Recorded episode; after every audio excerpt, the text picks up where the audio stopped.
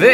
שיחת רקע, שתיים, הפודקאסט, שלוש, שי גולדן ונדב ארבע, שטראוכלר, שש, קצת אחרת. שבע, שמונה, תשע, עשר. אהלן, אהלן, שיחת רקע, פרק מספר 86. אני. נדב טראוכלר, ואיתי פה. בקוקפיט. שי, כשחוטבים עצים, עפים שבבים, גולדן, is in the house, שלום לכם, שלום לך אדוני. איתנו נדב שטראוכלר, מלינובסקי, למה עליתם ממרוקו? אם רציתם מלך, הייתם יכולים להישאר ממרוקו. למה עשיתם את זה? למה? למה באתם? מה היה דחוף? הייתם נשארים במדינה מלוכנית, הייתם צריכים לבוא לישראל? מה קרה? מה קרה? למה? ונגיד, נגיד, נגיד, נגיד, נגיד קודם נגיד, לכל האנשים שאיתנו, או להגיד קודם כן למני מנצור ויוכבד טוויטו וויקטוריה צימר המהממת ואריאלה כורש ומירי דניאל ודורון חכמוביץ' עם כל המשפחה ועינת סוויסה בלאיש ודני ווינד ועמית כספי אומנסקי ואבי בן שטרית ואייל טלמור ומעיין באום וקובי דהן, תראה איזה משפחה וניר בלאו, שלום ניר, טוב לראות אותך. איזה כיף.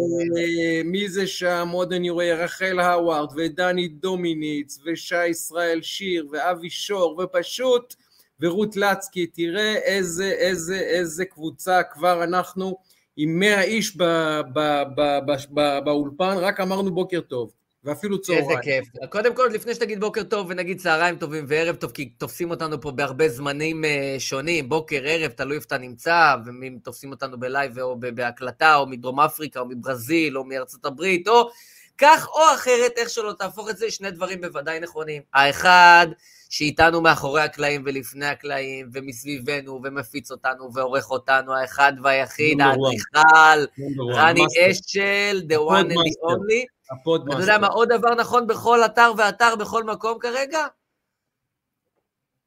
מי. שנכנס, מי שנכנס. אדר, אוקיי, איזה כיף. הכנת? הכנתי, אני תמיד ערוך ומוכן, אני פה. מה יש לך שם ביד? זה ערק אה, ערק עם קצת אה, מיץ אשכוליות כזה קצת. תכף אני, תכף אני אעשה לעצמי פה ריפיל, אני פה עם הקפה. כי אנחנו ה- צריכים לעשות, ידידי, גם מי שנכנס עד- אה, אדר וגם מי שברך על הרפורמה, בכל זאת, יום היסטורי, יש כזה עצב וכזה תוגה בכל כך הרבה מקומות במדינה הזאת, אנשים בוכים, אני באמת, ליבי יוצא אליהם, אבל אני מסרב לבכות, ואני אומר, חברים, מי שנכנס אדר מרבים בשמחה, אז באמת, חברים, חודש אדר שמח לכולם, עוד אמן. שבועיים בעזרת השם פורים יגיע, גם יהיה שמח, ומי שבערך, הגענו ליום שאני חייב להודות, שוב, הדרך עוד ארוכה, עוד נדבר על זה כל הפוד, הדרך עוד ארוכה ורבה, אבל עשינו זאת.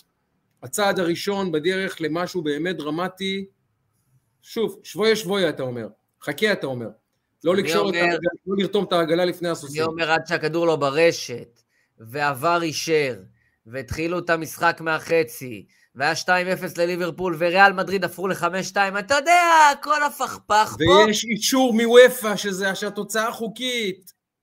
אבל יפה. אני אומר, לגבי התוגה ולגבי השמחה ולגבי... קודם כל, יש גם דברים שהם לא רק פוליטיקה.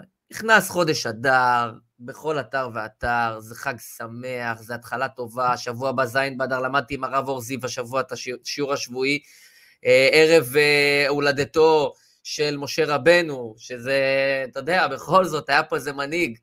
אה, אז בכלל, חודש אדר מלא מלא בשמחה, אז גם מי ששמח ומאושר מה... מה אה, מההסדרה ומהרפורמה, וגם מי שפחות, קודם כל לשמוח, יהודים, פורים, אה, חודש אדר, אז זה מצווה להיות בשמחה ובאמת, אז זה קודם כל, ולפני הכל, מה שנקרא, אשטג התחלנו.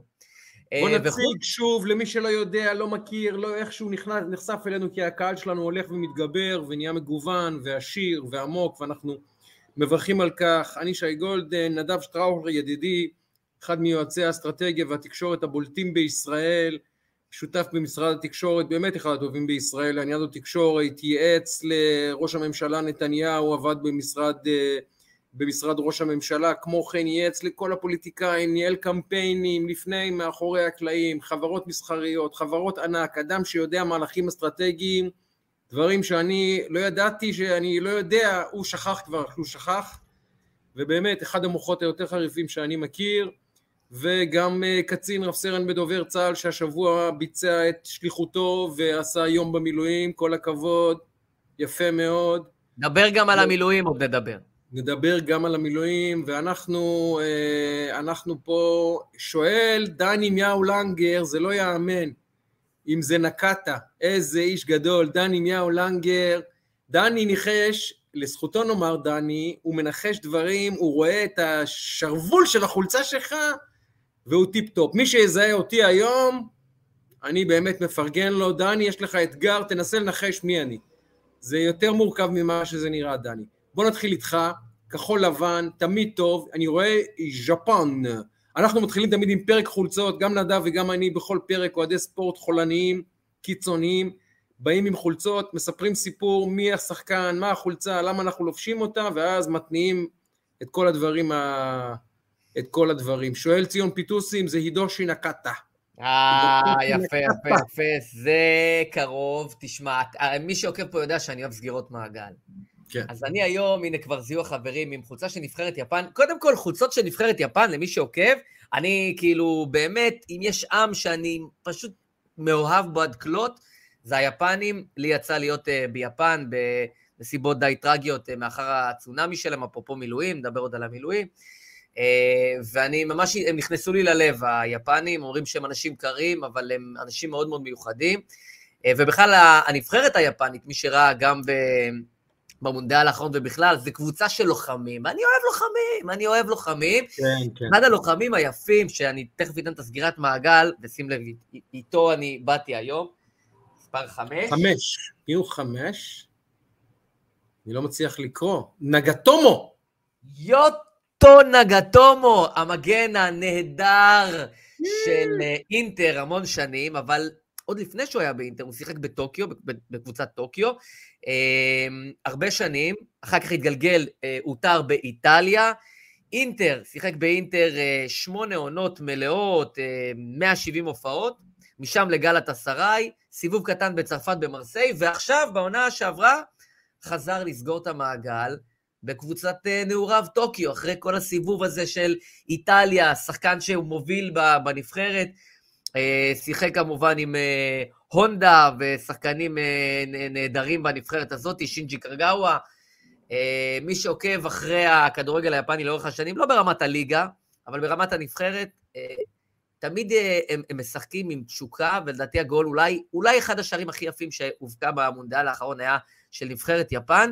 השערים שלהם בדרך כלל שערים קבוצתיים, ואני חושב שמה ש...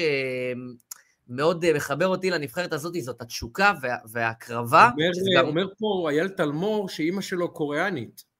יכול להיות, הוא השחקן. האסייתי הראשון אה, ששיחק בסריה A ב, ב, אה, ב, באיטליה, בליגה הראשונה. הוא פתח את השער למעשה לשחקנים שהגיעו לאחר מכן, מאסיה בכלל, מיפן בפרט. ואני היום, אני היום מרים לנגטומו, מרים לו, מרים לנבחרת יפן. אה, מפרגן להם, אני אוהב את, ה, את, ה, את התשוקה, את הרוח הקרב, את ה... אתה יודע, את המוכנים, את הקבוצתיות הזאת, ואני חושב שזה הסיפור. אפרופו, נכנסנו לחודש אדר, זה הביחד הזה, עם כל העניינים שאנחנו נדבר עליהם, המחלוקות, הביקורות, הכל טוב, רק צריך לזכור, בסוף, בסוף, בסוף, בסוף, בסוף, אחרי כל, כל, כל, כל העניינים, והמחאות, והזה, אנחנו עם אחד. אנחנו צריכים לזכור שאנחנו קבוצה אחת ונבחרת אחת, נפסיד, ננצח ביחד, תכף נדבר גם קצת על המחלוקות, אבל את זה צריך לזכור בהתחלה ובסוף. הדגל שלהם אדום לבן, למה הכחול לבן הזה? הדגל שלהם אדום לבן, איפה הכחול? הצבע של הנבחרת? אני לא יודע. זו שאלה מעניינת. אני יודע למה, אני יודע למה האיטלקים למשל, שאין להם כחול בדגל, משחקים כחול. אני יודע למה. אבל למה היפנים משחקים כחול? מעניין, מי שיודע פה בצופים... משחקים אותנו, באנו ללמוד. משחקים אותנו, למה כחול? למה כחול היפנים? איך זה קשור? מעניין מאוד. אליך, אליך. לפני שבוע הסתיים, לפני שבוע התקיים הסופרבול, הקנזס סיטי צ'יפס ניצחו, וכשאני אומר לך אה, פוטבול, אני אומר לך פוטבול, אני אומר לך שהאוהד הממוצע בישראל, ובכלל, אני מניח שגם אתה, מכיר שני שמות, אחד תום בריידי, כולם יודעים, ושניים, בטח גם את השם פטריק מהומס, הצלחת לשמוע כבר. כמובן. הוא שם שאיך הצליח להגיע. מה השם השלישי בפוטבול מהעבר, שאומרים לך פוטבול, תגיד שם. אה... יי יי יי יי יי תן לי את זה. בטוח, אני לא אגיד לך את השם הזה, אתה בטוח. ג'ו מונטנה, שמעת על ג'ו מונטנה? כן, בוודאי, בוודאי. אתם יודעים שג'ו מונטנה הגדול, ששיחק בסן פרנסיסקו 49ers, קבוצת אה, פאר, אה, השיג את ההישגים מדהימים, זכה בארבעה סופרבולים איתה, באמת אחד מגדולי השחקנים ששיחקו אי פעם. אה, שלוש שנים לפני סוף הקריירה, ביל וולש, המאמן האגדי של 49ers, אמר לו, ג'ו, זה בסדר, אין צורך. באמת אחד מגדולי השחקנים בכל הזמנים, באמת, אמר לו, זה בסדר, אין צורך, כי בספורט הזה אין רחמים.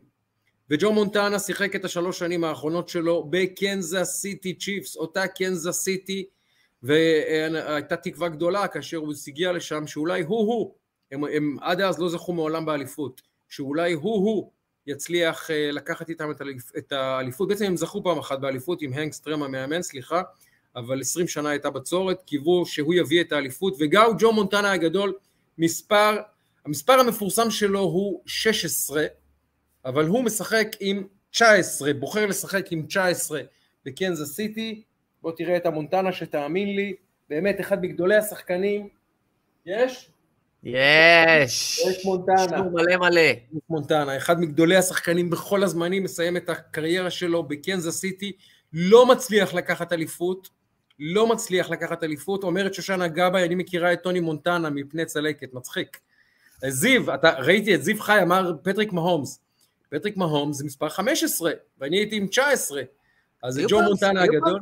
היו פעם סיגריות מונטנה, לא היה משהו כזה. היו סיגריות מונטנות של דובק, היה לי שכן, שאבא שלו... ירוק, ירוק כזה, אם אני לא טועה, כן, זה היה. כן, תקשיב, זה נסורת. בלי לפגוע, בלי לפגוע באוהבי סיגריות ישראליות, נובלס, טיים, אה, נלסון, אה, מונטנה, כל הדברים האלה, תקשיב, זה נסורת, זה פשוט... גללי עזים עם קצת נסורת שהפכו אותם לסיגריות, איך אנשים עישנו את זה. אסקורט, היה גם אסקורט בכלא, הצהובות, היה סיגריות אסקורט גם. אה, יש פה אנשים שבהחלט מגלים בקיאות בספורט, יפה מאוד. יש לך קהל. הפרק הוא 86, אתם צודקים, זו הייתה אה, שגיאת סופר, היא תוקנה. יפה, אה, יפה, יפה. יש לנו היום, קודם כל נגיד, שנייה אחת, אה, לא היינו פה איזה שבועיים וחצי, לדעתי זה המשך הארוך ביותר, אני קיבלתי ים הודעות מאנשים של מה קורה, איפה אתם, אז קודם כל הכל טוב. ברוך השם. ברוך השם, כולנו מרגישים טוב.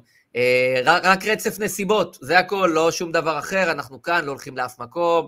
נמשיך וביתר שאת ובגדול. אה, אנחנו זה כמובן שי ורני ועבדכם הנאמן.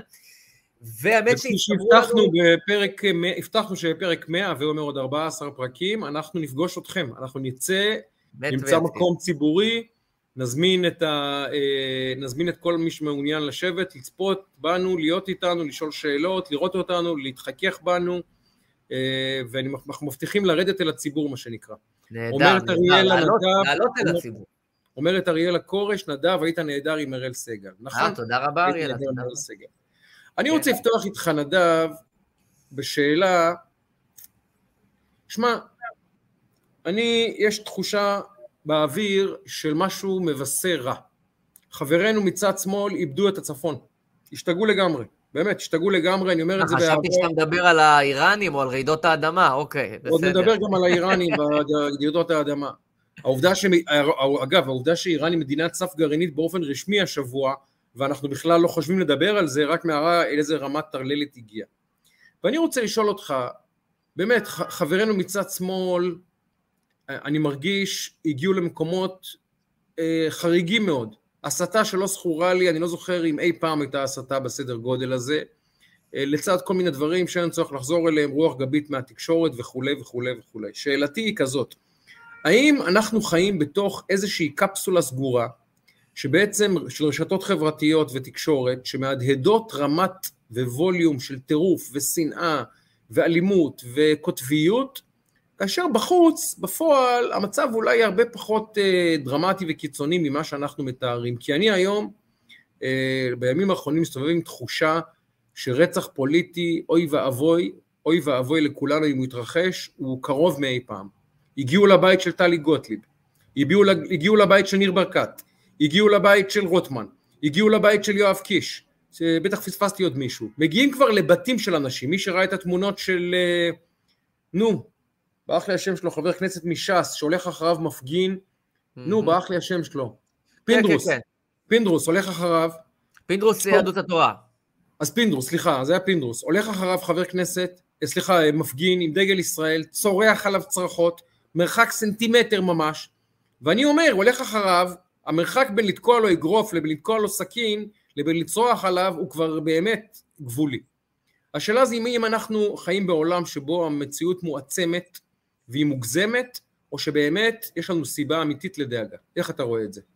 אני חושב שאולי גם וגם. אה, זה היה מקלב, סליחה, זה היה מקלב, תודה לטל שגן, זה היה מקלב, אורי מקלב, נכון. זה היה אורי נכון, מקלב. גם שרון אזולאי וסנונית גרש נכון. אומרים שזה אורי נכון, מקלב, אז אני מאמין לחלוטין. אה, תראה, אמ, אני אגיד כך, אה, יכול להיות שהתשובה היא גם וגם.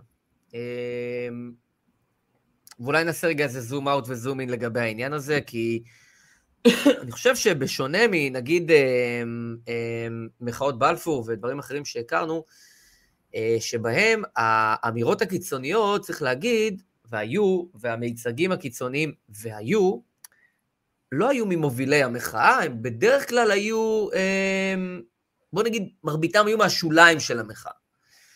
פה, וזה השוני, וזה מה שבעיניי אמ, צריך להדאיג את כולנו כחברה, זה שהאמירות גם הן קיצוניות יותר, אבל לא פחות מכך, הן באות מהצנטרום של הפיילה, כן. ממובילי המחאה, כן. שאומרים דברים אולטרה קיצוניים, שכמותם אני לא זוכר ששמענו, אני לא זוכר ששמענו בכלל, אבל בטח לא, לא פעם, שמענו. אי פעם, לא שמעתי דברים. לא בשנים האחרונות, בטח לא בדציבלים ובצפיפות כזאת, וגם לזה יש משמעות, כי לאמירה ספורדית פה ושם יש אה, ערך מסוים, אבל לצפיפות של היקף מסרים אה, אה, ממש רעיל, כמו שאנחנו רואים פה בשבועות האחרונים, אה, אני חושב שיש משמעות.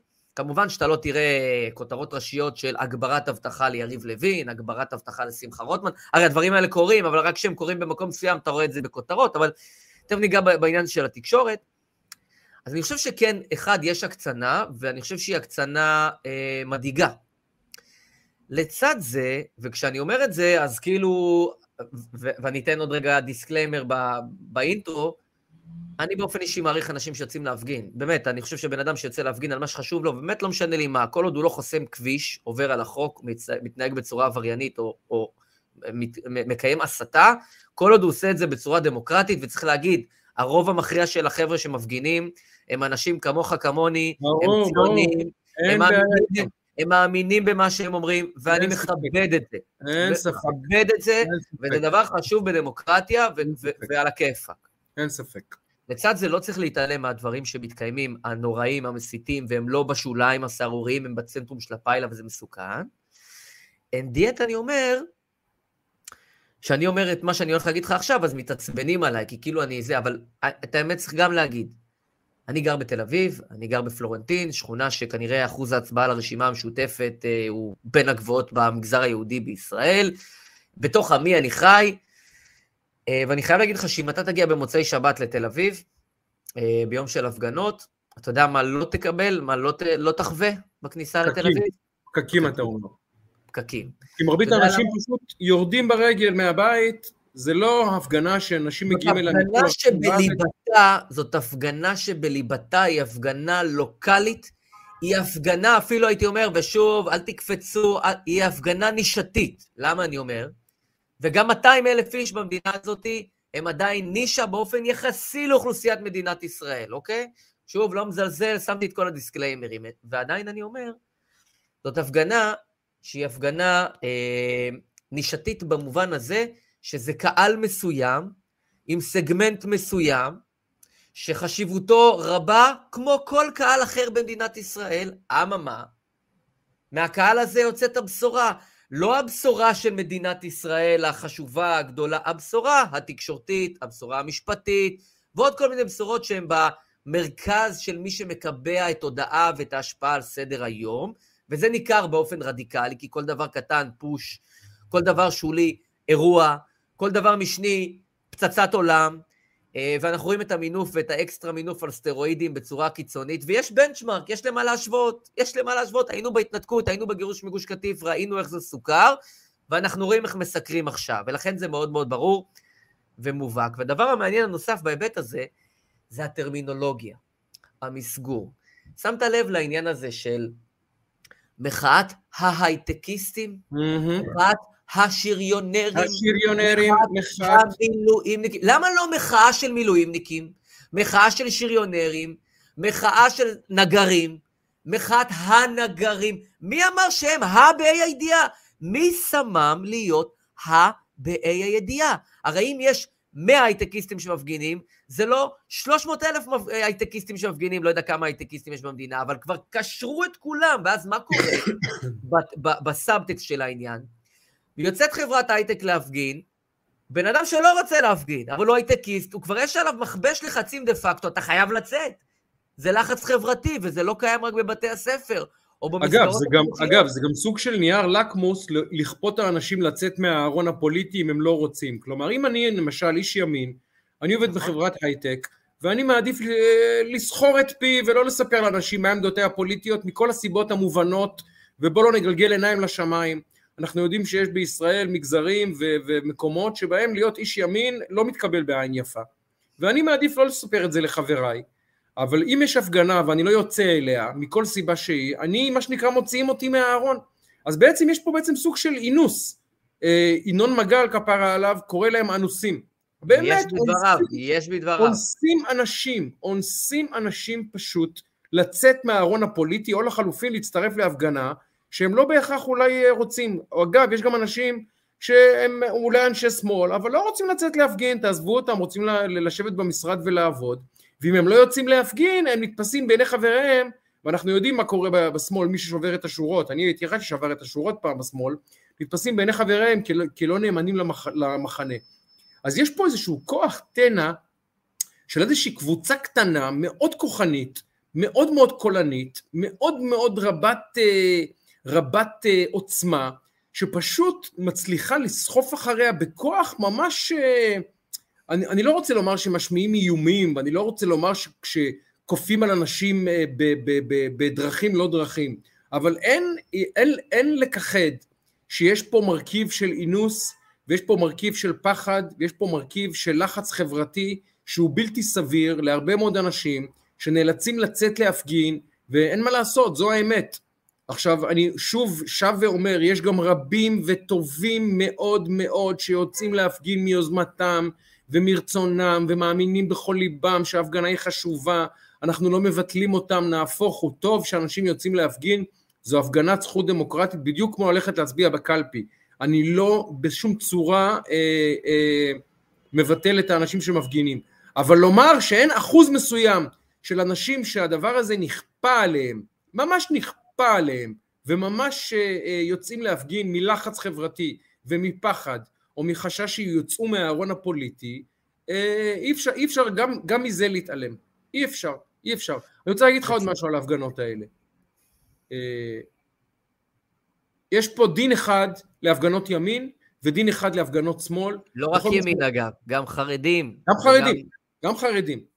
היום בוואלה בבוקר. ואתיופים. יש ממש שרשרת, שרשרת היחס. היום בוואלה בבוקר, ידיעה שנייה, היום במקרה הייתי באולפן היום, ראיתי את הדברים, אני עובר על כותרות בבוקר עם הצופים והצופות שלי, ידיעה שנייה בוואלה, תמונות מהפגנת החרדים האלימה, ככה זה מוסגר.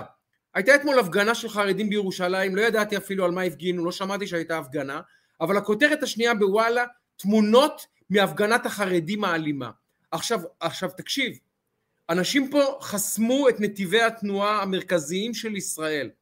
אני באחד הבקרים נסעתי לערוץ 14, הגשתי בתשע, משהו כזה, זה היה ממש כשהם התחילו לחסום את, אה, את הגישה לנתב"ג.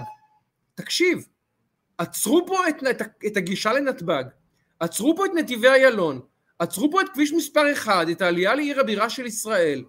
אני שואל את עצמי, מה היה קורה אם אנשי ימין היו עוצרים את כביש, חוסמים את כביש 1, למה מה היה קורה? מה קרה? אנחנו יודעים מה קרה. חטפו מכות ונכנסו לכלא לא, באופן שרירותי. זה לא יתואר. זה לא יתואר. איך המשטרה, עכשיו אתה אומר, אלוהים אדירים, שר המשטרה הוא כבר בן גביר. ראש הממשלה הוא נתניהו, הימין כבר בשלטון, וגם יש פה, אגב, את ה... את ה אה, אה, עצירת הנתיבים באיילון, לא עשו 500 מפגינים, זה היה קבוצה של חמישה, שישה מפגינים. והמשטרה נותנת להם. לא, אני- תלוי איזה, תלוי איזה, היו כאלה, לא היו. היו גם חסימות, תקשיב, היו גם חסימות, אבל אתה יודע מה הדבר המהמם? שכאילו מדברים עכשיו על הנושא של הכלכלה, כשהם בעצמם זורעים את, את הזרעים האלה, זה כמו בדיוק מה קורה, שהם חוסמים את הכבישים, ואז אומרים, למה יש פקקים? זה, ההתנהלות. חוסמים את הכבישים ושואלים למה יש פקיקים.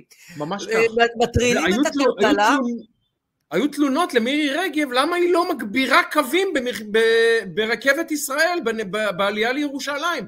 אז מירי רגב אומרת, תסלחו לי, אני לא חברת הסעות להפגנות. מה זאת אומרת?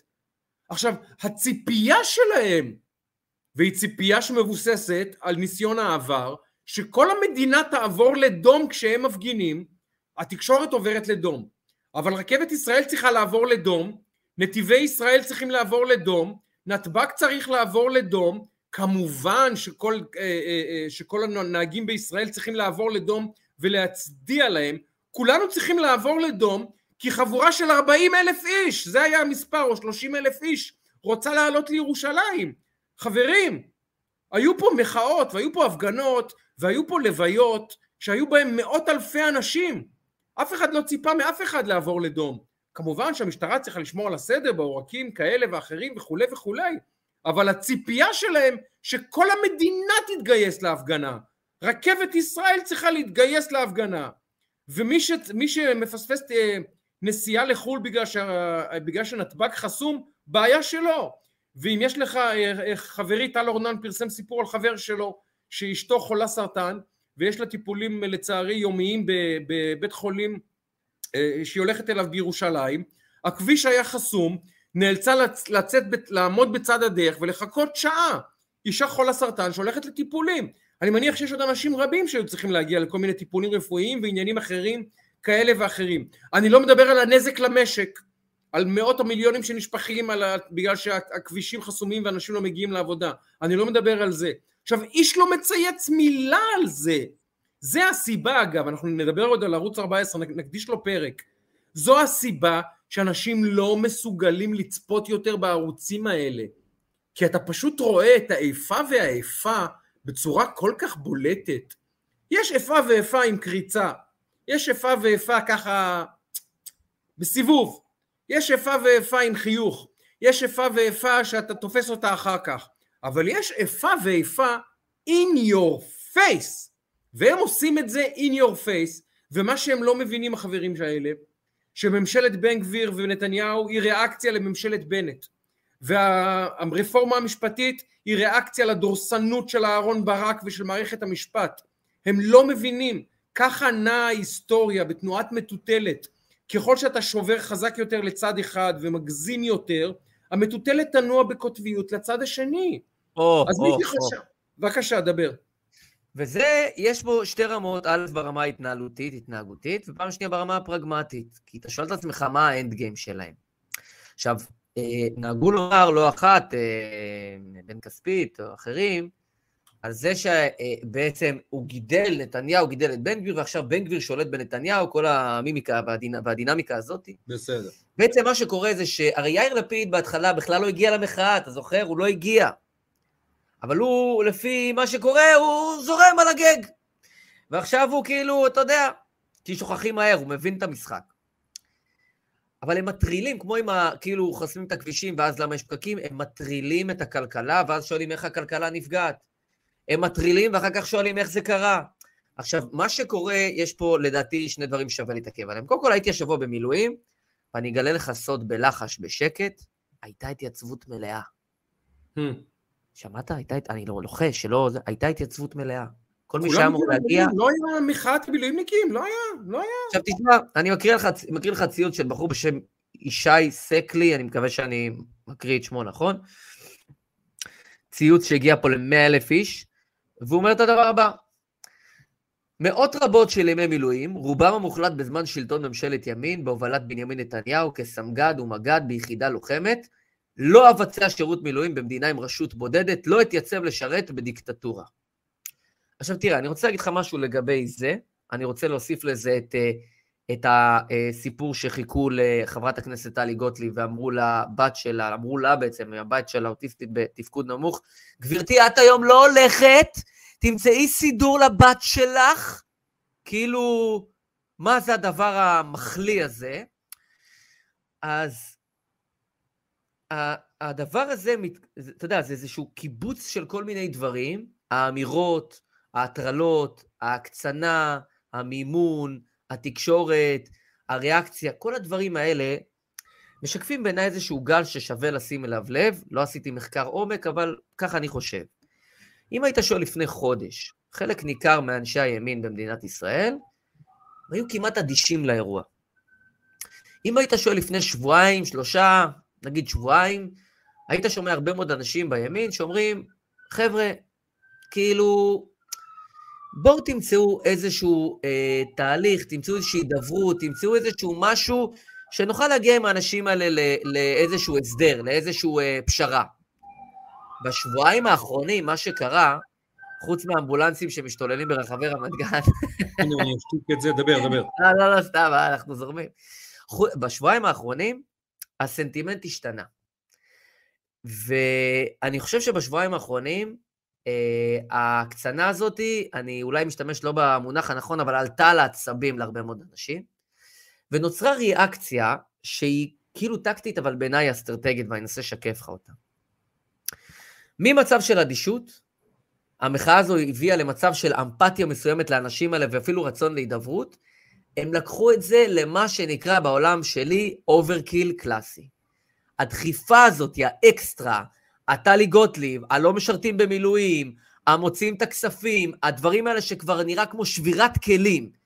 ויש לנו, ואני תכף אגיד לך איזשהו משהו גם ברמה האישית שהחזיר אותי בימים האלה, ויש לנו תזכורת מאוד מאוד מאוד טובה לפני כמה שנים, הגירוש מגוש קטיף ותזכורות נוספות, ואנחנו יודעים שכשזה היה נגד רצוננו, כיבדנו את הכללים. אני הייתי קצין ב- ב- בהתנתקות כשפינו את המשפחה שלי, סבא וסבתא שלי, האנשים המבוגרים ביותר בגוש קטיף. דודים שלי גרו בגני טל, בני דודים שלי גרו בנו... ב- בכפר דרום. אני הייתי קצין ב- ב- בגירוש מגוש קטיף, לא שיערתי או שיוויתי בנפשי לסרב פקודה או לשרוף את המועדון. לא שיערתי לדבר כזה, לא עברה לי המחשבה בראש. אמ, בן דוד שלי, עופר וינטר, כשהוא התראיין בתוכנית של אחד, יאיר לפיד, ממש קצת לפני ההתנתקות, הוא שאל אותו על הדבר הזה, על ההתנתקות, ואתה בתוך העניין הזה וכולי, ואתה יודע מה הוא אמר לו? נו. סירוב פקודה לא בלקסיקון שלי. לא בלקסיקון שלי. לשבור את הכלים לא בלקסיקון שלנו. והם פתחו פה לקסיקון שאנחנו מפנימים ומבינים אותו, שאוי ואבוי, ואסור להיות אדישים לדבר הזה. עכשיו, אני לא אומר לצאת וזה, וגם אחרי כל הדיבור על מרי אזרחי וכל... אני לא אומר לצאת עכשיו ולהיות אלימים כנגד זה, אבל מה כן קרה פה?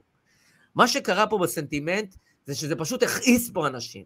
הכעיס פה אנשים שאם הם היו במקום של אדישות ולא מבינים על מה האירוע, עברו למצב של אמפתיה מסוימת, ה overkill הזה שהם עשו ב... בהתנגדות הקיצונית הזאת והקצנה בטרמינולוגיה ובמעשים, הביאה את זה למצב שאוקיי, אנחנו ברי דעת, אנחנו מבינים שמשהו פה לא תקין קורה, אם הם עולים שם על הבריקדות, אם הם ככה משתוללים, עוד פעם, לא כולם וזה, אבל אתה מבין בדיוק למה אני מתכוון, אם הם הולכים לשם, לזה צריך להתנגד. ואם הם חישקו את הדבר הזה כל כך, זה אומר שאסור לוותר. עכשיו, אני לא נכנס בדיוק לאיך זה יהיה, אבל כל בר דעת בימין אומר לעצמו את הדבר הבא. אולי צריך לעשות את זה טיפה אחרת, אולי... אבל אם הם עלו כל כך גבוה, אסור להסכים לזה. זה לא סביר, זה לא לעניין ואסור לקבל את זה, ואם הם טיפסו לשם, זה אומר שזה לא תקין, זה אומר שאנחנו צריכים ואני... ללכת, ללכת נכון. על זה נכון. בצורה משמעותית, ו... ועוד, דבר, ועוד דבר אחד בעניין הזה. מה זה עוד גרם ה overkill הזה? ה overkill הזה גרם לזה שבעצם יריב לוין וכל הממשלה הזאת וכל הקואליציה הזאת מחושקת עד עמקי חישוקיה. כי הימין עכשיו לא יוותר, ומי שגרם לזה להיות עד כדי כך, אתה יודע מי אלה? הם. ברור. הם, הם בחרו באסטרטגיה לא טובה, והאסטרטגיה הזאת כבר נותנת את אותותיה. הם חושבים שהם עושים רעש והקצנה וזה יוביל אותם למקומות טובים, הם טועים. זה גם פוגע במדינה, אבל זה גם פוגע במהלך שהם רוצים לקיים. כי מעבר לפגיעה במדינה, שהיא פגיעה רעה ונוראית ואסורה בעיניי, אני לא נכנס ל-BDS, מעבר לפגיעה הזאתי, דה פקטו, עבר בקריאה ראשונה. ואתם עכשיו עולים על הגגות ואומרים, לא לדבר, אין הידברות, אין הידברות, אם כולם מוכנים לדבר, רק איתו לא מוכנים לדבר. וכשאתה מנסה להסביר, הגיונית, רציונלית, לבן אדם שמגיע מסרביה, מאוסטרליה, מאפריקה, ואתה מנסה להסביר לו את הדבר הפשוט הבא. אתה אומר לו ככה, נשיא מדינת ישראל, הנשיא, פונה בדחילו ורחימו ליועצת משפטית, ליועצת משפטית, פקידה, רמת דרג, whatever, פונה אליה ואומר לה, גברתי, אני ממש מתחנן בפנייך. הרי גם את, גם אני, גם הימין, גם השמאל, גם הקיצוניים, בכל איפה שאת הולכת ללכת, מבינים שרק אדם אחד יכול לפתור את האירוע הזה, ראש הממשלה. תני לו לעסוק בזה. ומה היא אומרת? לא אתן לו לעסוק בזה. אז אם זה לא ללכת ראש בקיר, גם ברציונל, גם בסבירות וגם בפעולות, אני לא יודע מה, מה, לאן הם הולכים עם זה, וההליכה הזאת לכיוונים האלה לא תוביל אותם למקומות טובים. יפה אמרת. אני רוצה להגיד שאני בדיוק מהאנשים האלה, שכאשר הוצע מתווה הנשיא, כי בסופו של דבר הימין הוא הרי הממלכתי האמיתי. אנחנו יודעים שבמשפט שלמה תמיד כאשר תהיה ברירה בין לקרוע את הארץ הזאת לגזרים לבין לשמור על אחדותה, אנחנו נעדיף לשמור על אחדותה של הארץ, כולל לשלם מחיר. אנחנו, כי, כי, כי בסופו של דבר המדינה הזאת, המקום הזה, הארץ הזאת, הסיפור הזה, אין מה לעשות, יקר לנו. אני לא רוצה לומר יותר יקר מאשר להם, אבל הנה מקרה קלאסי של משפט שלמה, שבו יש שני מחנות, שני ניצים שרבים, ויש פה מחנה אחד שאומר, או שזה יהיה בדרכי, או שתישרף המדינה. עכשיו, לא רק שתישרף המדינה, אני בעצמי אשפוך את הטרפנטין ואת הנפט. אני בעצמי. עכשיו, כשאדם כמוני, ואני באמת איש שלום, אני איש שלום, אני באמת באמת מאמין מעומק הלב שצריכים לחתור לאחדות ישראל, כי אני מוטרד מאוד מאוד מאוד מהקרע הזה, אני מוטרד מאוד, אני מוטרד מהמשוגעים, אני מוטרד מהמשוגעים, אבל אני מוטרד יותר מהקרע, שיש פה מחנה שפשוט מפנה את גבו למדינה הזאתי, מפנה את גבו לשבט ואני מוטרד מזה. אבל כאשר אתה רואה את הטקסטים, כאשר אתה רואה מה עושים לטלי גוטליב ואת מרב מיכאלי אומרת אל תגידו לי מה עשו לטלי גוטליב בבית, ספרו לי מה עשו בכנסת היום. כאשר אתה רואה את כל הגבולות נפרצים ואת כל החוצצים נופלים, אני בעצמי מתקשה. אני שליבי רך, אני שליבי חותר לפשרה, מתקשה ואומר רבאק אין מה לעשות. אין מה לעשות. אם זו הדרך, אז בבקשה, אז נלך לרפורמה בכל הכוח. אני איש של פשרה, אני כשהגיע מתווה הנשיא אמרתי, וחטפתי על זה קצת ביקורת מלא מעט עוקבים שלי, שאמרו לי למה אתה מתקפל? כי אמרתי כי אני מעדיף את אחדות ישראל גם במחיר של אה, להגמיש את הרפורמה הזאת. אני מוכן, מוכן לשלם את המחיר. אבל עכשיו נהייתי נץ גם אני. הם הפכו אותי, זה, הם הפכו אותי לנט. על זה אני מדבר. ברור, הם הפכו אותי לנט והם הופכים פה קבוצה שלמה של ישראלים שהם יותר אנשי ביניים ואנשי שלום ואנשים שרוצים בדרכי נועם לפתור את העניין הזה, הם הופכים אותם לניצים והם לא מבינים. עכשיו אני אומר לך נדב, אני אומר לך, וברדוגו אמר את זה אצלי באחד השידורים ואמרתי לעצמי, ברדוגו הוא מגזים, אבל אני חושד שהוא לא מגזים. הוא אמר לי, שי, הם מעוניינים בדם, כשאני אומר הם, זה לא כולם, זה לא כל השמאל הישראלי, אבל יש גורמים בתוך המחאה הזאת שרוצים לראות דם, שרוצים לראות רצח פוליטי, שרוצים לייצר איזשהו אפקט של שוק במדינה, שהמדינה הזאת תרעד עד כדי כך שיהיה אפשר לערער אותה מהיסוד, ואז אולי יהיו בחירות, ואולי הם יוכלו לחזור לשלטון, ואני לא יודע מה התוכנית. הרי אדם, אני אשתמש בלשון מאוד עדינה, כמו יאיר לפיד, שאני באמת, גם אם אני אחפש עכשיו שעה, אני לא אמצא מילה טובה לומר עליו. אם אני אחפש, אם תגיד לי שי, שב שעה ותמצא משהו טוב לומר על לפיד, אני לא אצליח. אין לי מה לומר עליו טוב, על האיש הזה. אין לי מה לומר על האיש הזה שמשחק באש המדינה פשוט ובגורלה, בהפקרות נפשעת, נפשעת, נפשעת.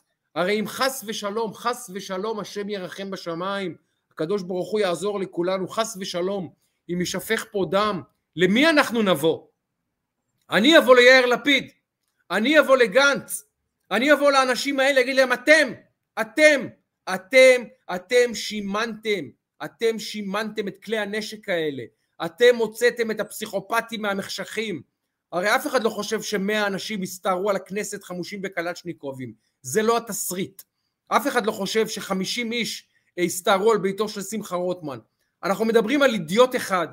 ראינו אותם חונים מתחת לבית, לא חונים, טלי גוטליב בשש בבוקר פותחת את הדלת ויש לה שישה אנשים מחוץ לדלת, נדב. זה לא דבר קל. לא. זה לא דבר קל. היום ניר ברקת פותח את הדלת בשש ועשרה בבוקר להוציא את העיתון, הוא רואה שם עשרה אנשים בפתח הבית, זה לא מחוץ לבית, כמו שהפגינו מחוץ לבית של מנדלבליט או whatever, זה בפתח, זה בדלת נדב קורא לך. עכשיו אתה מבין שהם גם.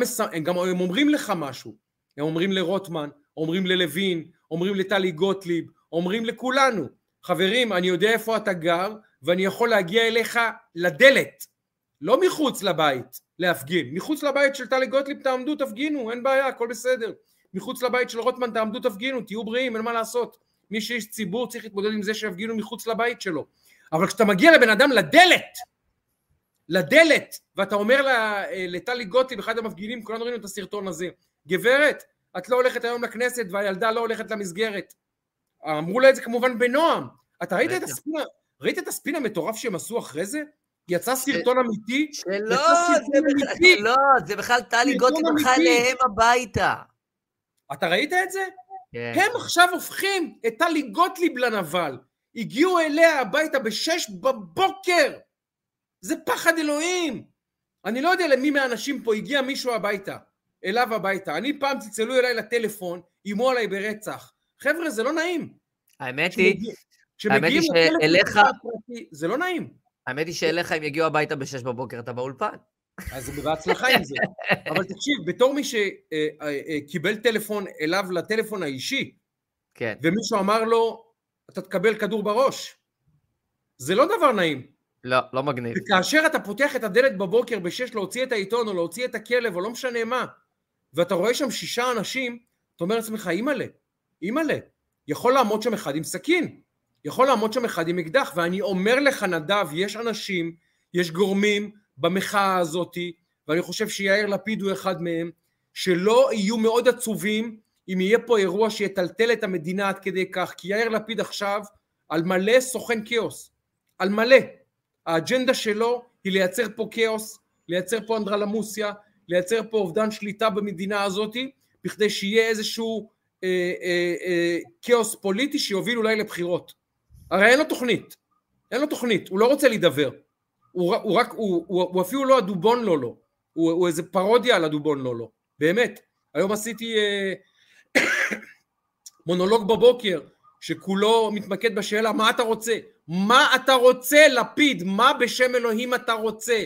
הרי הוא לא רוצה הידברות, הוא לא רוצה פשרה, הוא לא רוצה להיכנס לממשלה, הוא לא רוצה שום דבר, הוא רוצה כאוס נדב, הוא רוצה כאוס, ומכיוון שהכאוס שהם הגיעו אליו כנראה לא מספק את הסחורה, כי הנה גם היום עברו כמה הצעות טרומיות אלגנטיות מאוד, אני באמת חושש שברדוגו צודק, שמישהו שם רוצה דם, מישהו שם רוצה דם, והם מסלימים את האמירות, ומסלימים את הטקסטים, ומסלימים את ההתבטאויות, ומסלימים את ההגעה לבתים של אנשים, הם מגיעים לבתים של שרים, וכאן אני חייב לשאול, אדוני, איפה השב"כ? איפה המשטרה? מה זאת אומרת להגיע לבית של שר החינוך? איפה משטרת ישראל? מה זאת אומרת להגיע לבית של שר הכלכלה? איפה משטרת ישראל? מה זה לבית? לדלת! מה זאת אומרת? איפה? איפה המשטרה? איפה השב"כ? למה אני לא רואה אבטחה מוגברת סביב כל חברי ממשלת הימין עכשיו מבחינתי, וחברי כנסת מאוד בולטים כמו גוטליב ורוטמן וכן הלאה? איפה? איפה? למה הם מחכים? למה הם מחכים? אני לא מבין את ההפקרות הזאת. לא מבין. זהו, אז תודה. אני, אז אני, אני רוצה להתייחס בכמה היבטים. אחד, אני לא חושב שלכתחילה אה, יאיר לפיד רוצה לראות דם. אני חושב שהוא, כמו בהרבה אירועים אחרים, אה, לא מוביל מובל, והולך עם העדר, הולך עם ה... אתה יודע, עם, ה, עם הזרימה.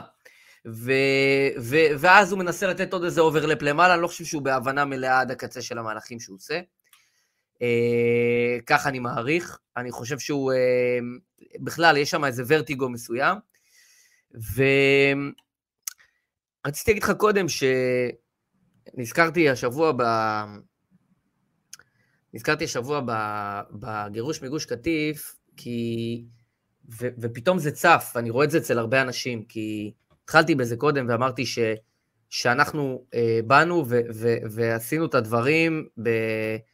אה, באמת, האנשים האלה התפנו בצורה מעוררת כבוד והערכה, וההתנהלות בכלל, לא רק של... ופה פינו אנשים מהבית, אנשים שקברו את, את בני משפחתם ליד הבית, הוציאו אנשים מהקברים, תקשיב, היה פה אירוע דרמטי, היה פה אירוע שובר לב בסדר גודל היסטורי. ואני אומר לכם ש... באלגנטיות לי... ובג'נטלמניות התפנו. היה לי איזה ערעור, אה, כי הייתי שם כל הזמן, נסעתי וחזרתי, הייתי בעצם אחראי בין היתר על הכנסה והוצאה של אה, תקשורת ועיתונאים לתוך הגוש, ואחרי, לפני, במהלך ואחרי. ותוך כדי חזרתי ב, אה, אחרי כן גם ל, לאזור, ו, וממש יצא לי לראות איך, אתה יודע, ממש מפרקים, איך, איך, איך D9 הורס בתים של משפחות, וגם משפחה שלי, שאתה אה, יודע, אנשים בנו את זה בעמל רב, 20-30 שנה, עבדו, פיתחו, וכל העניין הזה, ו, ואתה רואה איך בשתיים וחצי דקות מפרקים את מפעל חייהם. אמרתי לעצמי, וזה משהו שליווה אותי קצת, כאילו, מה, מה היה העניין, מה, מה היה העניין שלי בתוך האירוע הזה, כי היה לי שם תנועה חופשית בתוך העניין, לתפוס את הדבר הזה גם בעיניים. כי זה קצת היה אה, כאילו סוג של אה, התעללות עצמית, במידה מסוימת, כאילו, כשחשבתי על זה, למה הייתי צריך בכלל את, הצפייה בדבר הזה, ב, ב, אתה יודע, גם אחרי ההריסה וכל העניין הזה. ואני חייב להגיד לך שהאירוע הזה עבר מ-2005, מ-2005-2006,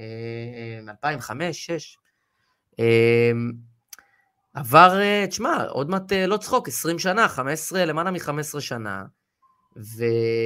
ואמרתי לעצמי, לא שזה ליווה אותי והעסיק אותי, אבל כוננה בי המחשבה הזו בעבר, כאילו, למה הייתי צריך את זה? למה הייתי צריך את המראות האלה אה, אחר כך? ואני חייב להגיד לך שהאסימון ירד לי רק בשבועיים האחרונים. פעם ראשונה, עבר למעלה מ-15 שנה, פעם ראשונה שירד לי האסימון. כי לא הבנתי את זה אולי בתוך כדי האירוע, אבל ברטרוספקטיבה אני מבין את זה טוב יותר. היום, היום אני מבין את זה. שזה לא היה מזוכיזם. אה, אולי חשבתי קצת, אבל זה לא היה מזוכיזם. זה, זה היה כדי שאני לא אשכח את מה שאני רואה לנגד עיניי. כדי שלא נשכח את מה שהיה שם. אני אומר לך, כשאני רואה איך מתנהלים היום, איך מערכת המשפט התנהלה אז, איך התקשורת התנהלה אז, איך התקשורת מתנהלת היום, איך, הציב... איך הציבוריות הזאת, איך הברנז'ה הזאת מתנה... התנהלה אז ואיך היא מתנהלת היום, אני אומר, טוב שהלכתי לראות את זה בעיניים מקרוב. כי אסור לשכוח את זה. ואסור לשכוח איך התנהגו איתנו, ואיך אנחנו התנהגנו, וכשאני רואה עכשיו איך הם מתנהגים, הם, עוד פעם, אני לא עם ההם כולם, אבל, אבל ברור פה על מי אני מדבר, מובילי הדעה, על, על מובילי המחאה, על אנשים שבעצם מנענעים את העגלה הזאתי, ואני אומר, אחד, זה גם, אתה יודע, המפקדים הכי טובים שהיו לי בצבא, זה המפקדים הכי גרועים שהיו לי בצבא. ללמוד איך לא להתנהג לפעמים. ואתה רואה את זה, ואני אומר, לא צריך להתנהג כמוהם. צריך א', להוקיע את זה, ב', להזכיר. אנחנו, גירשו אותנו מהבתים שלנו. הוציאו מתים מה, מהקברים, אנשים שנרצחו באירועי טרור, הוציאו אותם מקברים וקברו אותם מחדש. אנחנו לא שברנו את הכלים, לא השתוללנו, מחינו, לא השתוללנו, לא שברנו את הכלים, לא המרדנו נגד המדינה, לא עשינו את הדברים האלה, ואם הם היו, הם היו באולטרה אולטרה שוליים שצריך לחפש אותם. ופה זה ממש בצנטרום של הפיילה. כשאנשים אומרים לי, אל תשווה את זה להתנתקות, אני אומר, כן להשוות את זה להתנתקות. כי זה בדיוק אותו דבר, לא כי שם זה היה לא מהותי, כן מהותי. היה לי דיון על זה לפני כמה ימים עם, עם מישהי שפגשתי, וההשוואה היא ממש במקומה, היא ממש במקומה, כי אי אפשר לספר לנו סיפורים, היינו שם. ראינו איך התנהלו עם זה. ופשוט אז זה היה בכי של תינוק אחר, ועכשיו זה הבכי של התינוק שלהם. אז אני אומר, יש גזירה שווה. ואני אומר, תסתכלו איך אנחנו התנהגנו, ותסתכלו איך אתם מתנהגים. ואל תתנהגו ככה, תלכו, תלכו נגד, הכל בסדר. אבל לבוא ולחסום כבישים, ואחר כך להגיד למה יש פקקים, לבוא ולפגוע בכלכלה, ואז להגיד, הנה הכלכלה נפגעת, זה להצית שריפות ולהגיד, תביאו מכבי אש. אז אם יש שריפה, ולקרוא למכבי אש זה דבר אחד. אם אתה הדלקת את השריפה, ואתה אומר, ואתה צועק איפה מכבי אש, אז הבעיה היא לא המדינה, הבעיה היא, בין היתר, אתה. ואני אגיד לך עוד משהו, והיום בבוקר אנחנו מתעוררים לנתוני רייטינג מדהימים של ערוץ 14 שעובר לראשונה, זה חלק, מה... טיים. זה חלק מתופעת. ההתכנסות. עובר, עובר לראשונה את ערוץ 13 ואת ערוץ 11, המכונים רשת 13 וערוץ 1, ערוץ 14, הוא הערוץ השני אתמול בלילה, בנתוני הרייטינג שלו מבין הערוצים המסחריים, שזה רעידת אדמה בתקשורת בישראל, מי שלא, מי שלא חי את העולם הזה לא מבין איזו רעידת אדמה. ועכשיו שים לב למה זה קורה ולמי זה קורה.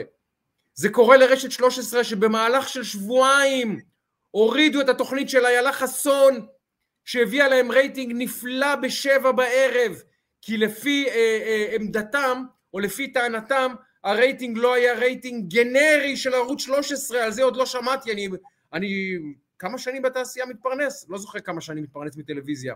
12-13 שנה. לא שמעתי בחיים על רייטינג רע. זה עוד לא שמעתי אז הרייטינג של היה חסון בשבע בערב היה רע, הורידו אותו. ואת שרון גל גירשו מערוץ 13. אז שהביא גם, שהביא נתונים 13 זה מדהימים.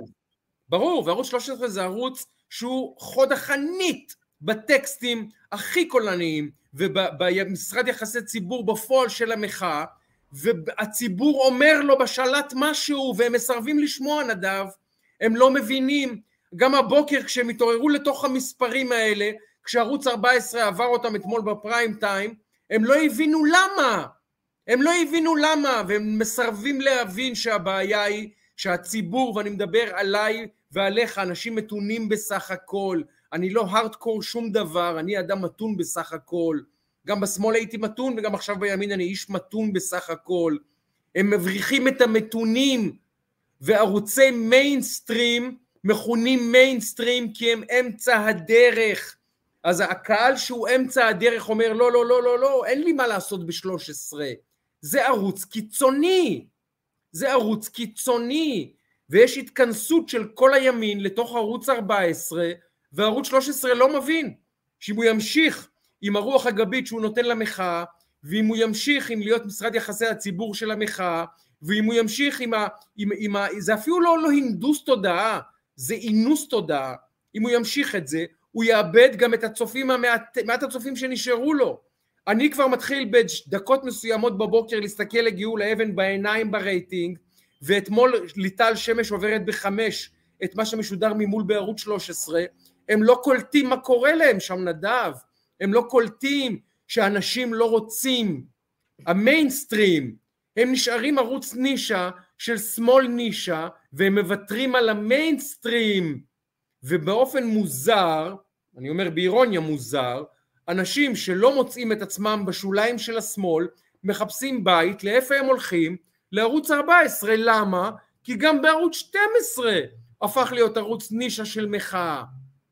והם לא מבינים מה הם עושים, הם פשוט יורים לעצמם בראש מבחינת רייטינג, ערוץ 13 מייצר עכשיו התאבדות מסחרית מפוארת מול עינינו.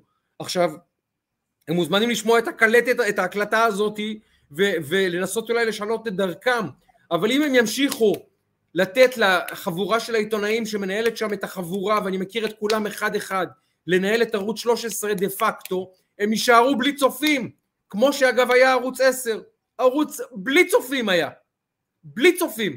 אז הם עכשיו חוזרים בקצב מדהים להיות ערוץ 10, שזה ערוץ נישה של שמאל אליטיסטי מאוד, תל אביבי מאוד, קטן מאוד, שמה לעשות, אין לו מסה קריטית, והוא גם לא כלכלי. אז אם הם רוצים להמשיך במסלול הזה, שימשיכו, אבל אם, אם, אם תקרא עוד שנה שערוץ 13 בסכנת סגירה, כי המשקיעים אומרים, רגע, אחים שלי, מה קורה פה? מה זה הרייטינג הזה? אני לא מצליח להתפרנס. תדע איפה זה התחיל. פה, פה במחאה הזאת, חבורת עיתונאים שהתגייסה לנהל, את ה... להפוך את הערוץ הזה לערוץ תעמולה ומוותרת על המיינסטרים של הציבור הישראלי. הם מתאבדים מול עינינו, מתאבדים מול עינינו, ואני אומר, תמשיכו, תמשיכו. ולכם הצופים אני אומר, לכו לערוץ 14, לכו. כי, כי אתם הולכים לערוץ 12, אתם רואים שם ערוץ תעמולה פשוט של מחאה. אתם הולכים לערוץ 13, אתם רואים ערוץ תעמולה של מחאה, מה נשאר? אוקיי, אני אלך ל-14, בסדר גמור. הם עושים את זה לעצמם, וגם הרייטינג של 12 מתחיל להתכרסם לאט לאט. הם בונים את ערוץ 14, הם בונים את היריב שלהם. זה לא יאמן איזה טמטום אסטרטגי יש למנהלי הערוצים האלה שלא מבינים מה הם עושים. פשוט, פשוט מאבדים את המרכז. אומרים למרכז, לך, לך, לא צריך אותך. אז אין צורך. אז המרכז אומר, בסדר. מכיוון שרוב ישראל זה מרכז ימינה, אומר, אין בעיה, אני אלך ל-14. ואתמול ערוץ 14 עובר גם את 13 וגם את 1 בפריים טיים, מ-5 בערב עד 10, ערוץ 14 הוא הערוץ המוביל, הערוץ השני בישראל, זה לא ייאמן, נדב. אני אומר לך, לא אני אומר לך, אני אומר לך, ואנחנו גם מדברים על זה בינינו, שאני חושב שהמגמה היא מאוד מאוד ברורה. אני חושב שהניתוח לגבי המחאה וה overkill הזה, הוא בא לידי ביטוי גם בפרגמטיקה, גם, ב, גם בצריכה, גם בתפיסה. אה, ותשמע, אני הייתי לפני אה, יומיים, שלושה, שלשום הייתי ב... ב... הגשתי עם אראל, ו... ושבוע שעבר הגשנו יחד. נכון. ואני אומר לך, אה, כמות ההודעות שקיבלתי מאנשים, גם הרבה מאוד אנשים שכאילו אתה לא חשבת כביכול שצופים, כי אנחנו גם יש לנו איזה רפלקס מותנה. ו... וזה מדהים, היה לנו, בשלשום אראל בדוח היה עם רייטינג של 5.1. זה, אי אפשר להסביר את המספרים למי שלא חי את המספרים של הרייטינג. אגב, ואני אומר, ואני, ואני טוען שזה מדידת חסר, וגם יתרה מזאת, אני אומר, ה-5.1 ומדידת החסר, והצפייה בדיליי, והדיגיטל, אתה מגיע למס, למסה קריטית uh, כבר, uh, שהיא לא יורדת מההיקף של האנשים שיצאו להפגין, בוא נגיד יותר. Uh, אז, אז, אז זה, זה תופעה מרתקת, ויש בה, כי באמת אתה צודק, זה ממש דוחפים את האנשים לשם. ממש דוחפים את האנשים לשם, הם לא, הם כל כך בתוך, הם, הם כל כך בתוך מה ש...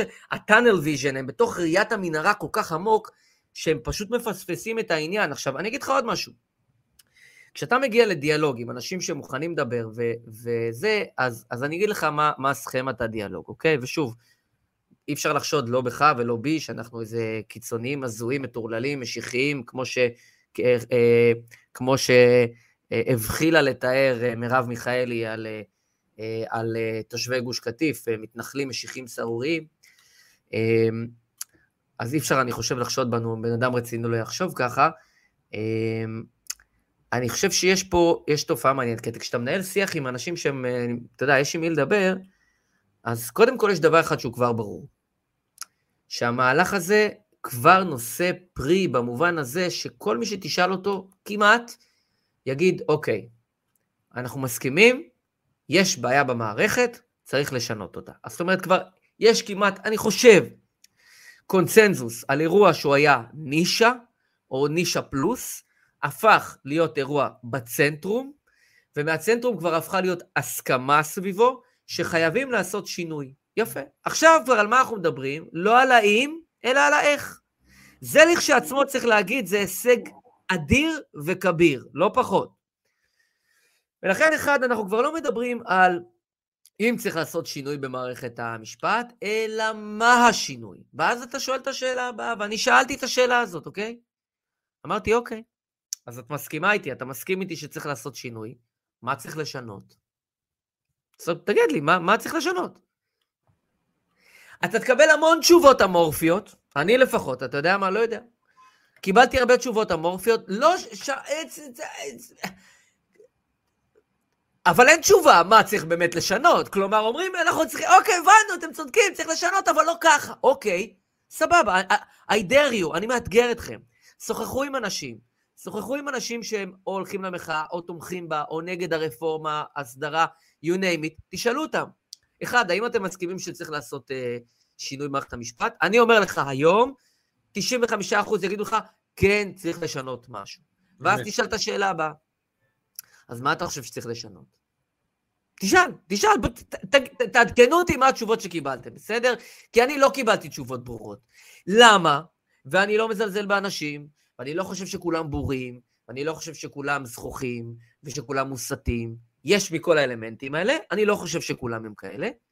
ועדיין, מכיוון שזה אירוע שמדובר ברובו המוחלט בסיסמאות, מה יהיה, איך יהיה, דיקטטורה. לא, סוף הדמוקרטיה, פשיזם, דיקטטורה, דיקטטורה, דיקטטורה, סוף העולם.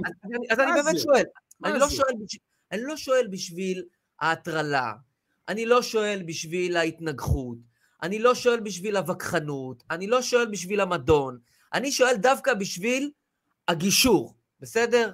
כי אני באמת מחפש גישור. ואני אומר, אומר כבר חודש וחצי אולי, שאנחנו כבר בתוך משא ומתן. ואני אומר חודש וחצי אולי כבר, שאנחנו, פעם אחת תהיה רפורמה, פעם שנייה היא תהיה בכנסת הזאת, במשך הזה, ופעם שלישית היא לא תהיה ככתבה וכלשונה, יהיו בה שינויים, מי שחושב שהיא תעבור ככתבה וכלשונה, לא מבין את האירוע. מי שחושב שלא לא יעבור שום דבר, גם לא מבין את האירוע. יהיה פה ופה, וזה ילך הרבה יותר לכיוון של הסדרה מאשר של שום דבר, אבל אני עכשיו לא נכנס, יהיה לנו עוד זמן, יש עוד שלושה, ארבעה שבועות, ככל שהזמן יעבור אנחנו ניכנס יותר לדיטלס. אבל אני חוזר רגע לשאלה, לא כדי להכעיס או כדי להתסיס, אלא כדי באמת להידבר. תשאל את השאלה הזאת, אתה בעד לעשות, מישהו שנמצא בצד שבעד, שנגד הרפורמה, ואפילו הולך להפגין, אוקיי? הלך לך עוד צעד קדימה ב, ב, ב, באינטראקציה שלו בתוך האירוע. אתה חושב שצריך לעשות שינוי? הוא יגיד לך כן. מה השינוי שצריך לעשות? אתה תשמע המון תשובות, אף אחת מהתשובות לא תרצה אותך, וגם לא תרצה אותו, כי הוא לא באמת חושב שצריך לעשות שינוי, הוא רוצה להשאיר את המצב כמו שהוא. זה הרצון האמיתי. והמצב כמו שהוא, אסור לקבל אותו. אסור לקבל אותו. אין סטטוס קוו. 25 שנה הולך המטוטלת לצד אחד. אתה בוחר, אתה הולך לקלפי, אתה מצביע, אתה משקיע, ובסוף מה קורה? פוסלים את החוקים. אני חושב שצריך להיות איזון. צריך להיות איזון מסוים, אבל כרגע המערכת לא מאוזנת. אז אתה חוזר ושואל, אתה מסכים איתי שהמערכת לא מאוזנת? כן. אתה מסכים איתי ששיטת בחירת השופטים כרגע היא לא מקובלת? כן. אז מה צריך לשנות? צריך לעשות שינוי. מה צריך לשנות? אין תשובות. אני אומר לך, תשאל, תשאלו, בחיי, תשאלו. הזמינו את איילה איילה פרוקצ'ה להעיד בפני הוועד בחוק חוקי המשפט, ושאל אותה רוטמן את השאלה, תגידי דבר אחד שאת מסכימה. היא אומרת, כן, מסכימה. היא אומרת, העומס, להקטין את העומס. אתה מבין, זה בבדיחה. גם צריך שלא יהיו פקקים. פרודיה, פרודיה, פרודיה. עכשיו, תקשיב, אה, יש פה תהליך אה, עומק מרתק בחברה הישראלית, מרתק, מרתק, מרתק, של הסרת מסכות, שזה אירוע, אירוע, אירוע פוסט-מודרני מרתק, אבל אירוע מרתק, שעומדת אתמול יוליה, יוליה מלינובסקי ואומרת, למה באתם ממרוקו? למה באתי ממרוקו? בלי למצמץ היא אומרת. במקביל אלמוג כהן עושה את המופע המביש הזה שלו, של הנביחות שלו ושל הדברים האלה שהוא עושה שם בזה. אנשים פה פשוט הסירו מסכות. כל ה... יש אה, אחת, ה... אחת, ה... אחת המילים החשובות במאה ה-20 היא סובלימציה. סובלימציה היא עידון. בעצם מה שמבדיל בינינו לבין בהמות הוא העידון. כי אה, בהמה, כאשר נגיד היא רעבה, היא הולכת לטרוף. כאשר היא מת, מת, מתאווה למין, היא הולכת אה, לכפות את עצמה על, על, על, על מי שנמצא שם. אנחנו לא בהמות, אנחנו בני אדם, ואנחנו נהנים ממנגנון שנקרא סובלימציה. סובלימציה היא יכולת שלנו בעצם לתחלף את הדחפים הכי עמוקים שלנו, הכי כמוסים שלנו, בפעולות אחרות. למשל, במקום ללכת לתקוע מכות, אני הולך לעשות כושר. במקום ללכת אה, לטרוף אה, בעל חי, אני אשים אה, לי במיקרוגל, אה, לא יודע מה, אה, מרק נמס, אוקיי? אני יודע לעשות סובלימציה. אבל לאחרונה אבד העידון לחלוטין, והמסכות הוסרו לחלוטין. המופע של אלמוג כהן אתמול היה פשוט חרפה, חרפה. עכשיו אני לא רוצה להתגולל על אלמוג כהן, כי יש מספיק אנשים שהתגוללו עליו. במקביל, יוליה מלינובסקי והדברים שהיא אומרת, אני לא האמנתי איך היא אמרה את זה, אני... אני צפיתי בזה live במקרה. במקרה צפיתי בזה live, צפיתי אתמול בערוץ הכנסת. תקשיב, אני, אני, אני אמרתי, היא אמרה את זה? לעצמי אמרתי, רגע, שמעתי את זה עכשיו? היא אמרה את זה באמת? היא מבינה ב... עכשיו, נדב, אנחנו בעידן שבו ה politically correct משמיד אנשים. משמיד אנשים על, על פית מהדברים שיוליה מלינובסקי אמרה אתמול על, על דוכן הכנסת. תסתכל איך זה עבר מתחת לרדאר. מדברים על אמסלם ככה ואמסלם... זה אחד הטקסטים הגזעניים שאני שמעתי במרחב הישראלי מאיש ציבור הרבה שנים. הרבה שנים לא שמעתי טקסט כזה גזעני מאיש ציבור על דוכן הכנסת היא אמרה את זה. למה באתם ממרוקו? למה באתם ממרוקו? אם אתם רוצים מלך הייתם נשארים שם זה הרי בכל חברה בטח בחברה כמו שלנו שהיא חברה שהפוליטיקלי קורקט מנהל אותה, ומשטרת הביטול מבטלת פה את כולם על ימין ועל שמאל, מי שמעז לצייץ מילה אחת הכי קטנה, כבר מבטלים אותו. היא עומדת על דוכן הכנסת ואומרת את זה, וזה פשוט עובר כאילו כלום. העידן הזה הוא עידן קיצוני. עידן שבו אנשים ויתרו לחלוטין, ויתרו לחלוטין אפילו על המינימום של המינימום של מראית העין. כל מה שאתה חושב אתה אומר. ההוא עושה להם, אלמוג כהן אומר, אני מדבר אליהם כמו אל חיות. מה זה? מה זה, אחינו היקר? מה זה? מה זה? איך אתה מדבר? איך אתה מדבר? איך אתה מדבר? אפילו, אפילו, אפילו בין חברים כשאני על, על, אחרי כוס ערק שלישית אני לא מרשה לעצמי לדבר ככה. ואתה בכנסת מעלה את זה בלייב? לעוקבים שלך בפייסבוק? מה זה? מלינובסקי אומרת, למה באתם ממרוקו? מה זה? מה קורה פה? נדב, מה קורה פה? מה זה? זה פשוט עידן קיצוני, עידן מפחיד, ואני אומר לך, נדב, מה שמטריד אותי זה שהערוגות האלה מטפחות הרבה מופרעים. וכאמור, לא צריכים יותר מדי מופרעים, לא צריכים יותר מדי, צריכים שלושה מופרעים. שני מופרעים צריכים, לא יותר, שיהפכו פה את המדינה. כמו שליגאל עמיר הצליח להפוך פה את המדינה 30 שנה, אנחנו צריכים אחד שיהפוך פה את המדינה לעוד 30 שנה, ואני אומר לך, איכשהו יצאנו מרצח רבין והחברה הזאת לא התפרקה, איכשהו נס קרה והחברה הזאת לא התפרקה. עד היום אנחנו מלקקים את הפצעים של האירוע הזה. אם יהיה פה רצח פוליטי נוסף, אני לא יודע אם נעמוד בו.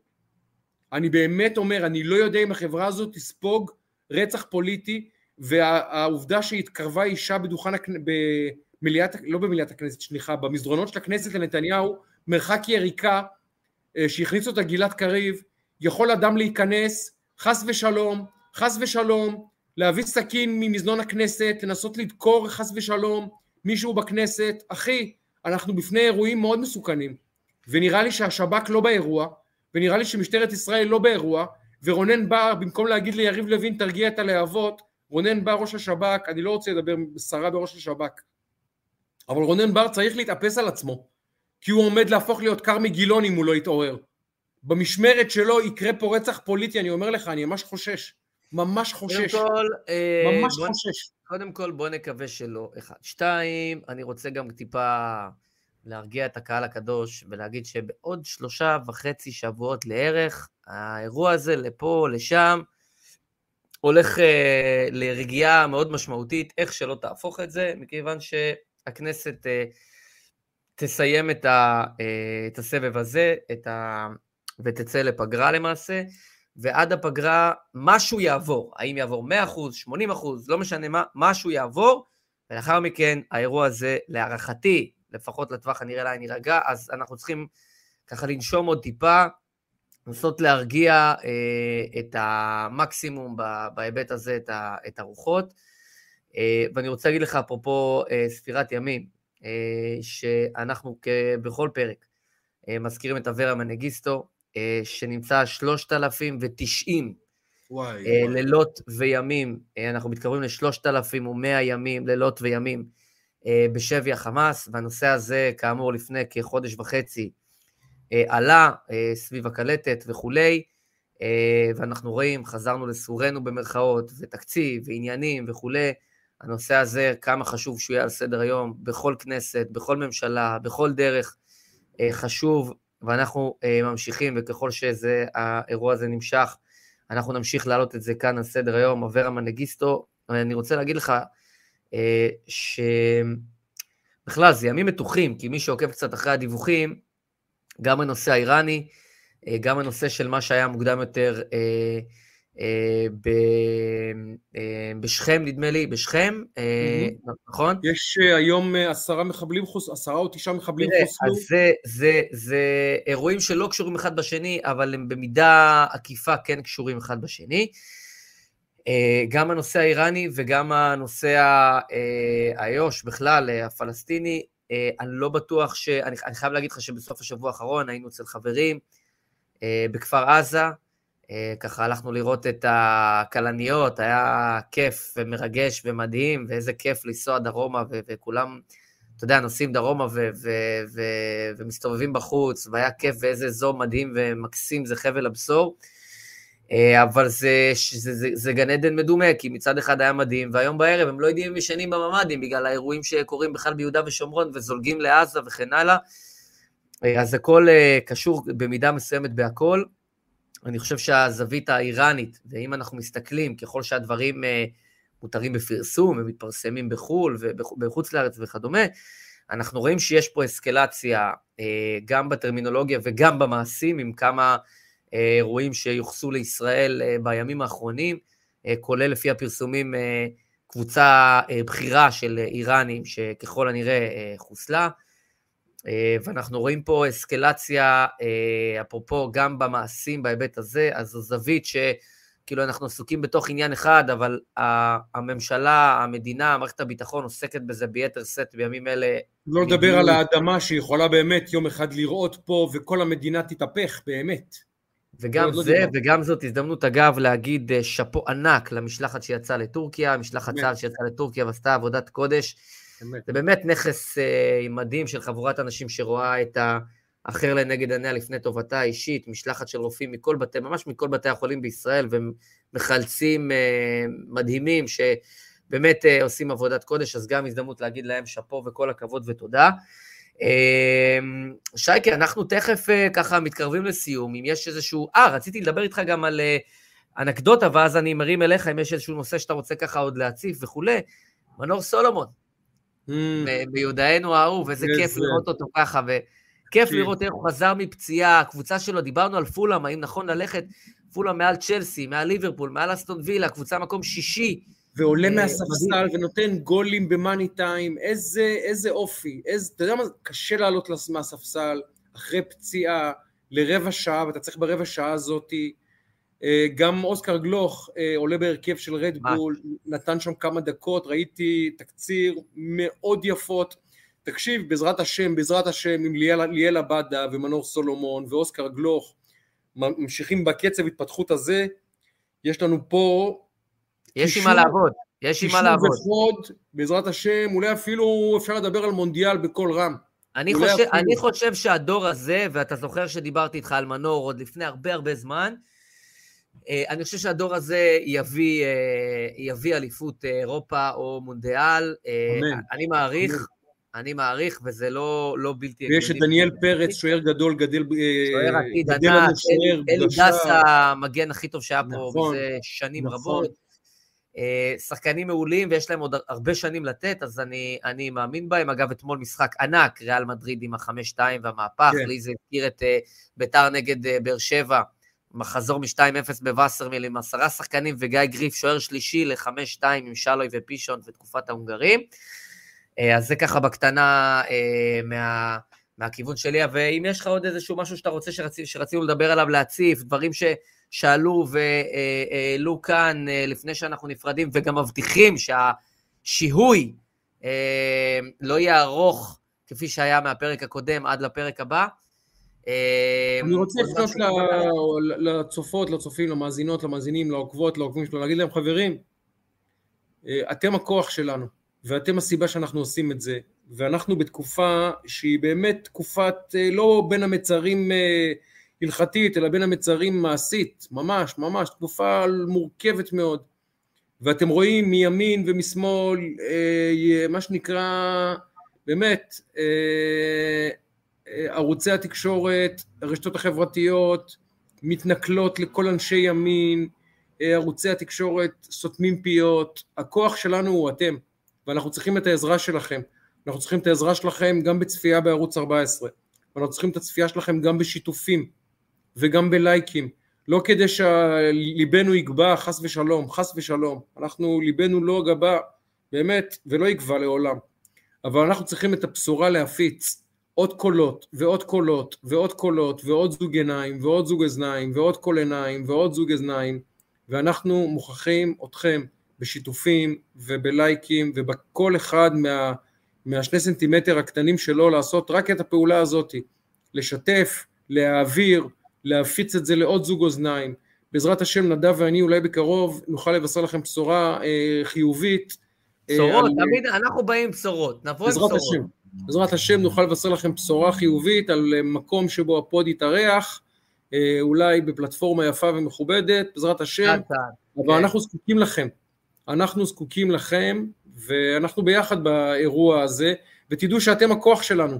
נדב אדם מאוד מאוד עסוק, אני גם, ברוך השם, אתם רואים, אה, יש לי, יש לי דבר שניים שלושה בחיים, ואנחנו עושים את זה בשבילכם, כי אנחנו רוצים, רוצים, רוצים ביחד לייצר קבוצה של תמיכה, קבוצה של עידוד, קבוצה של אהבה, קבוצה שעוזרת לנסח את הדברים אחד לשני, אתם נותנים לנו כוח, אנחנו נותנים לכם כוח, וביחד אנחנו, הנה אומרת לי רונית, תקרא לצופים להתחזק בשמירת שבת, אז הנה רונית, אני קורא לצופים להתחזק בשמירת שבת. באופן כללי, תהיו מעשים טובים, תעשו מעשים טובים, תיראו את השם, באמת, לא צריכים לשים, כל אחד בדרכו. היום ראיתי את, הרפורמים, באמת, עושים את הפרובוקציה הזאת בכותל, באים לייצר פשוט אה, פרובוקציה בכותל, להכעיס. ואני אומר, יהודים, הרי אם, אם, אם החבורה הזאת הייתה עולה למסגד, הם היו מחטפים מכות רצח. מכות רצח. אם החבורה הזאת הייתה הולכת ל, ל, ל, ל, אה, ל, לכנסייה, מכות רצח. יותר מזה, הם היו אומרים לנו גם, תנהגו בכבוד בקודשי האסלאם, תנהגו בכבוד בקודשי, אה, אה, בקודשי הנצרות, למה לא לנהוג בכבוד בקודשי ישראל? למה? למה? למה יש פה אנשים שלא נוהגים בכבוד בקודשי ישראל, אבל רוצים שכולנו ננהג בכבוד בקודשי האסלאם ובקודשי הנצרות? ואני אומר לך, זו תקופה של ליקוי מאורות, ובליקוי מאורות, איפה שיש אור, צריכים להידבק. צריכים להידבק. אור צריך להידבק לאור, ואור צריך לחזק אור. אז אנחנו מנסים להיות אור שלכם, ואנחנו רוצים שאתם תהיו האור שלנו, וביחד נביא קצת אור לעולם הזה. אמן. יפה, יפה, יפה, יפה. אחלה סייפה, שייקה. אה, מודה שהתגעגעתי, it was too long, אבל הנה זה קרה וזה יקרה, אמת. וביתר שאת. אז נגיד, אה, תודה רבה, אה, לא מובן מאליו, באמת אה, מתחבר לדבריך, שי. אה, כמות ההודעות שקיבלתי בעשרה ימים האחרונים של איפה אנחנו ומה קורה, זה היה באמת אה, קיצוני, וזה גם אפילו אה, מרגש, והנה זה קרה, וזה כאמור ימשיך לקרות. אז תודה רבה לכן ולכם. לא מובן מאליו, באמת, אנחנו, אנחנו נחשפים למספרים ולהיקף הצפיות ולכמות התגובות, ובאמת זה דבר מדהים ומרגש, ובהחלט מדהים, גם פה, גם ברחוב, ובכלל, זה כיף ומאוד מחזק ודוחף אותנו קדימה. נגיד תודה רבה לרני אשל, האחד והיחיד שעורך אותנו ומפיק אותנו ומפיץ אותנו, ואנחנו פה בפייסבוק וביוטיוב ובספוטיפיי ובגוגל פודקאסט ובאפל פודקאסט, ואם לא הצטרפתם אז תצטרפו, ואם לא שיתפתם אז תשתפו וספרו ככה לחברים ולחברות ולכולם. אה, אז אה, נגיד תודה רבה, שייקה, תודה רבה לך, אחי היקר, שתהיה עוד, בריא. אה, עוד 14 פרקים בעזרת השם, אנחנו פוגשים אתכם, פוגשים אתכם, קהל יקר שלנו, נמצא מקום, אנחנו, נדב, אנחנו לא, מזה לא בורחים. לא, לא, לא, לא, לא, בורחים. לא מזה ולא בכלל. אמרנו ונעשה. ונגיד, אה, חברים, על אף שהימים הם אה, אמוציונליים, אה, תהיו סובלניים וסבלניים ותהיו חברים, אה, ותזכרו שאנחנו בחודש אדר, צריך להרבות בשמחה, וגם אם יש דברים שקצת מעצבנים אותנו, אפשר לבקר, אפשר להתווכח, לא, לא, לא, לא, לא להתעמת, לא לחפש את הלאחיס, אלא לחפש את הטוב. אז נאחל לכולם חודש טוב ומבורך, מי שנכנס אדר ברבים בשמחה, אה, ומי שתופס אותנו ככה לקראת סוף השבוע, אז אפילו שכבר אנחנו מאחלים סוף השבוע טוב, והנה. שבת שלום, וכן, לירן, ליר- לירן אלשיך, אני שמעתי שני הסברים לגבי הכחול של יפן, נסיים בזה. כן. אז לירן אלשיך האהוב כותב לנו, לשאלתך יפן בחרה בכחול כדי למנוע בלבול עם הקבוצות הרבות אחרות באסיה מאמצות חולצות אדומות, כולל דרום קוריאה וסין, יפה.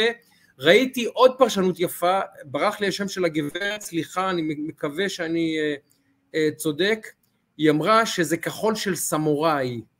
סמוראי מן הסתם, אה, הלוחם המהולל במיתולוגיה היפנית, חלק גדול מהאתוס היפני מבוסס על גבורת הסמוראי, אז הכחול הוא בעצם כבוד, כבוד לצבעו של הסמוראי.